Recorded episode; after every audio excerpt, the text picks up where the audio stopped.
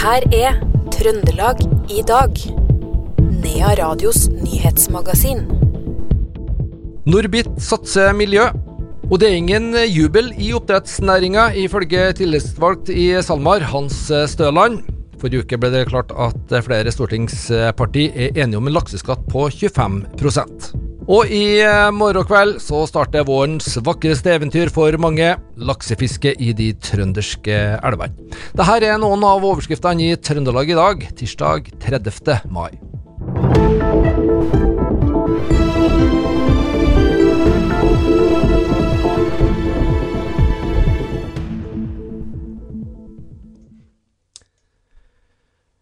Sist torsdag ble det klart at stortingspartiene Senterpartiet, Arbeiderpartiet, Venstre og Pasientfokus er blitt enige om en lakseskatt på 25% 25% er vesentlig lavere enn 35% som var foreslått i utgangspunktet. Likevel ingen jubel i oppdrettsnæringa. Det sier tillitsvalgt i SalMar, Hans Støland. Selv om det isolert sett er positivt at det har gått ned fra 35 til 25, så det er jo snakk om en tilleggsskatte her, så det kommer oppå de andre skattene som vi har i, i næringa her.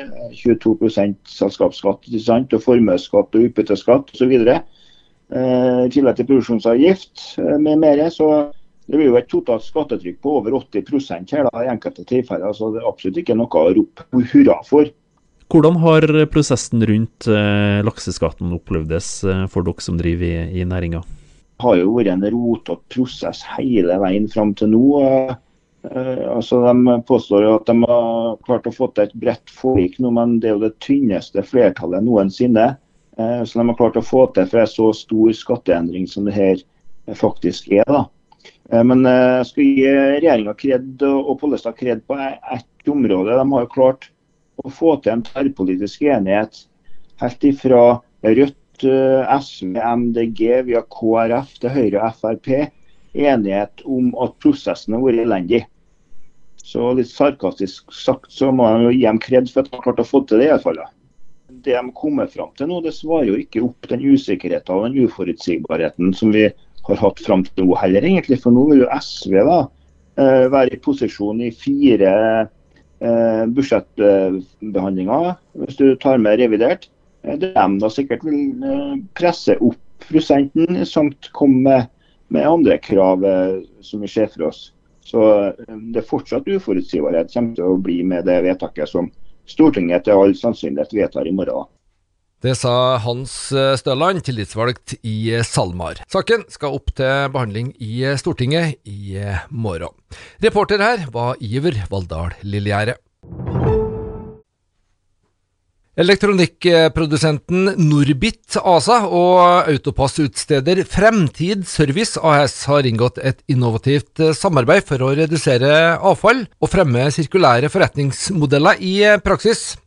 For Norbit er dette en del av vår bærekraftstrategi, sier konserndirektør strategi i Norbit, Julie Dahl Benum. Vi har jo um, inngått et samarbeid som egentlig er ganske konkret, som da går ut på å gjenbruke elektronikk eh, i et produkt som vi da selger eh, til Fremtidens Service. Så De selger jo bombrikker til um, både storkunder og til privatpersoner. og Nå samler de da inn bombrikkene fra storkundene sine og sender dem tilbake til fabrikken på Røros. Og så bytter vi eh, ut da, eh, elektronikken og gjenbruker den i nye bombrikker.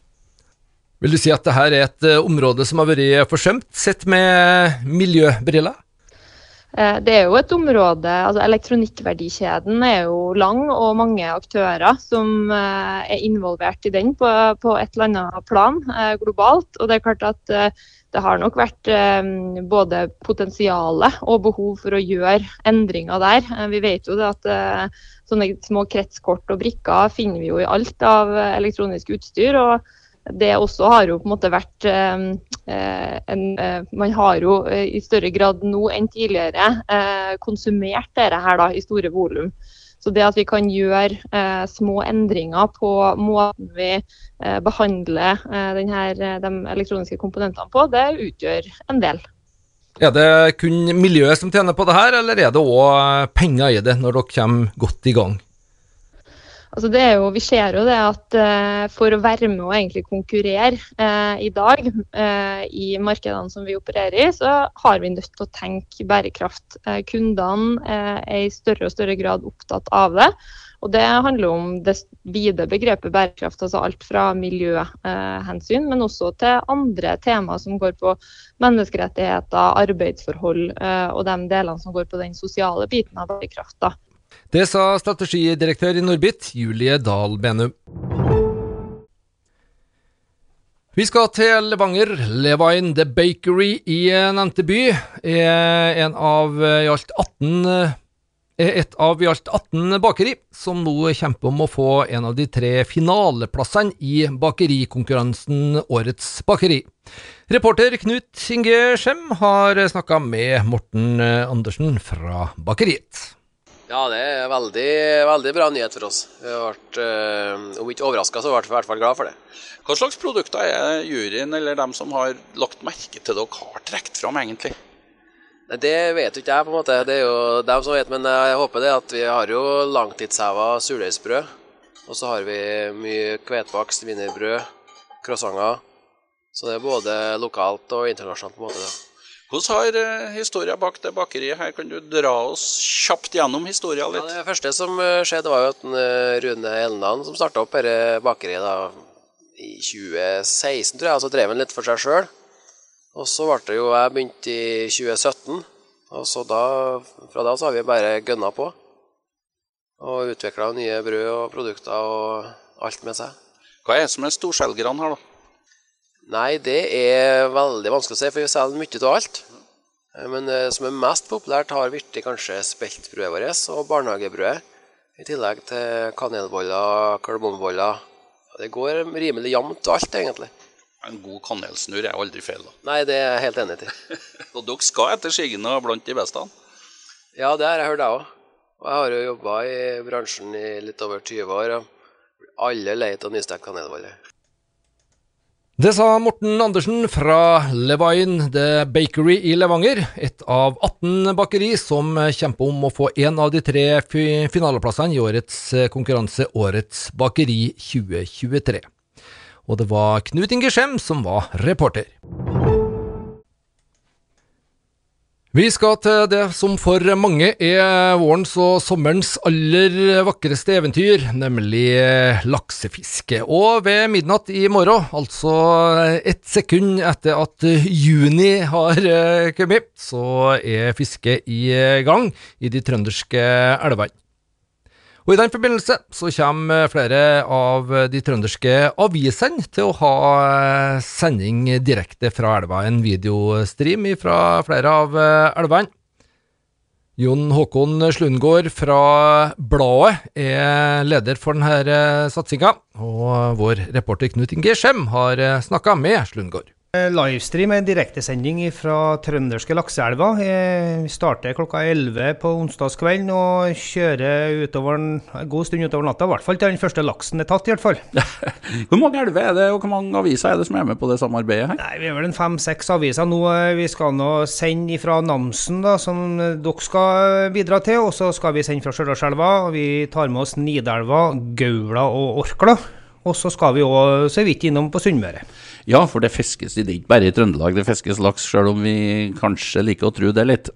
Nei da, laksefiske foregår jo i store deler av landet. Det er litt ulike åpningstider eller når det starter. Noen på Fosen har jo allerede kommet i gang. Eh, sånn at det, Men 1.6 er jo den store store laksestartdagen, da. Hvilken eh, type sending blir dette her? Hva er, det, hva er det som skal foregå? Vi etablerer et studio oppe i Hegra, langs eh, bredden av Sjølselva. Der skal vi ha litt gjester underveis i løpet av kvelden. Og så skal vi da direkte inn fra reporterteam da, i de ulike elvene. og med litt intervju og litt stemningsrapport eh, der òg. Ja, for det her, blir, det her er levende bilder. Det er ordentlig video. Ja da, det, det blir som ei TV-sending eh, som skal produseres da med en fem-seks kamera- eller reporterteam ute da, rundt omkring. Hvilke eh, gjester kan du røpe litt om hvem som kommer i, i sendinga di fra Stjørdalselva? Ja, det, det, er folk som kan laksefiske, for å si det sånn. Eh, navn det tror ikke jeg skal ta med så mye nå. Vi skal ha med noen fra, fra eh, Stjørdal Jeger og Fisk, da, og så skal vi ha med noen på utstyrssida som skal fortelle oss litt om eh, hva som brukes. Det er mye myter om laksefiske, så vi skal prøve å knekke noen i morgen kveld.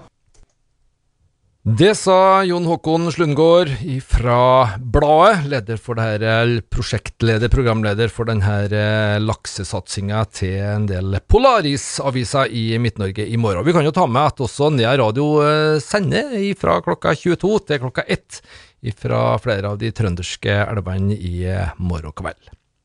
Reporter på dette innslaget, det var Knut Inge Skjem. På tampen må vi selvsagt ha litt eh, sport, og vi skal til Rosenborg. Og etter mange tap eh, den siste tida, så er det nå klart at uh, trenerteamet til Rosenborg, Kjetil Rekdal og Geir Frigård, er kalt inn på et styremøte som, uh, i, i, Rosenborg uh, som foregår i morgen. Og sjøl om eh, mange roper at trenerne må gå, så mener sportskommentator i Adresseavisa Birger Løfaldli at eh, Rekdal også er Rosenborg-trener etter møtet.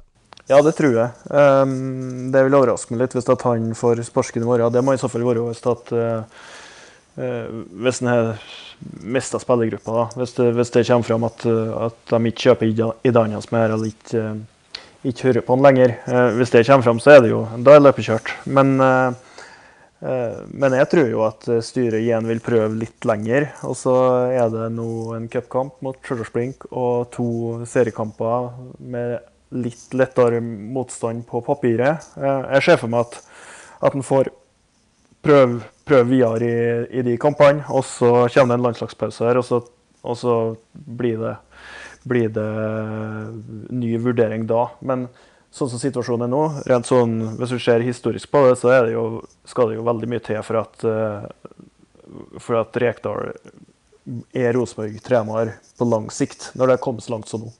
Og så må det handles i det kommende overgangsvinduet?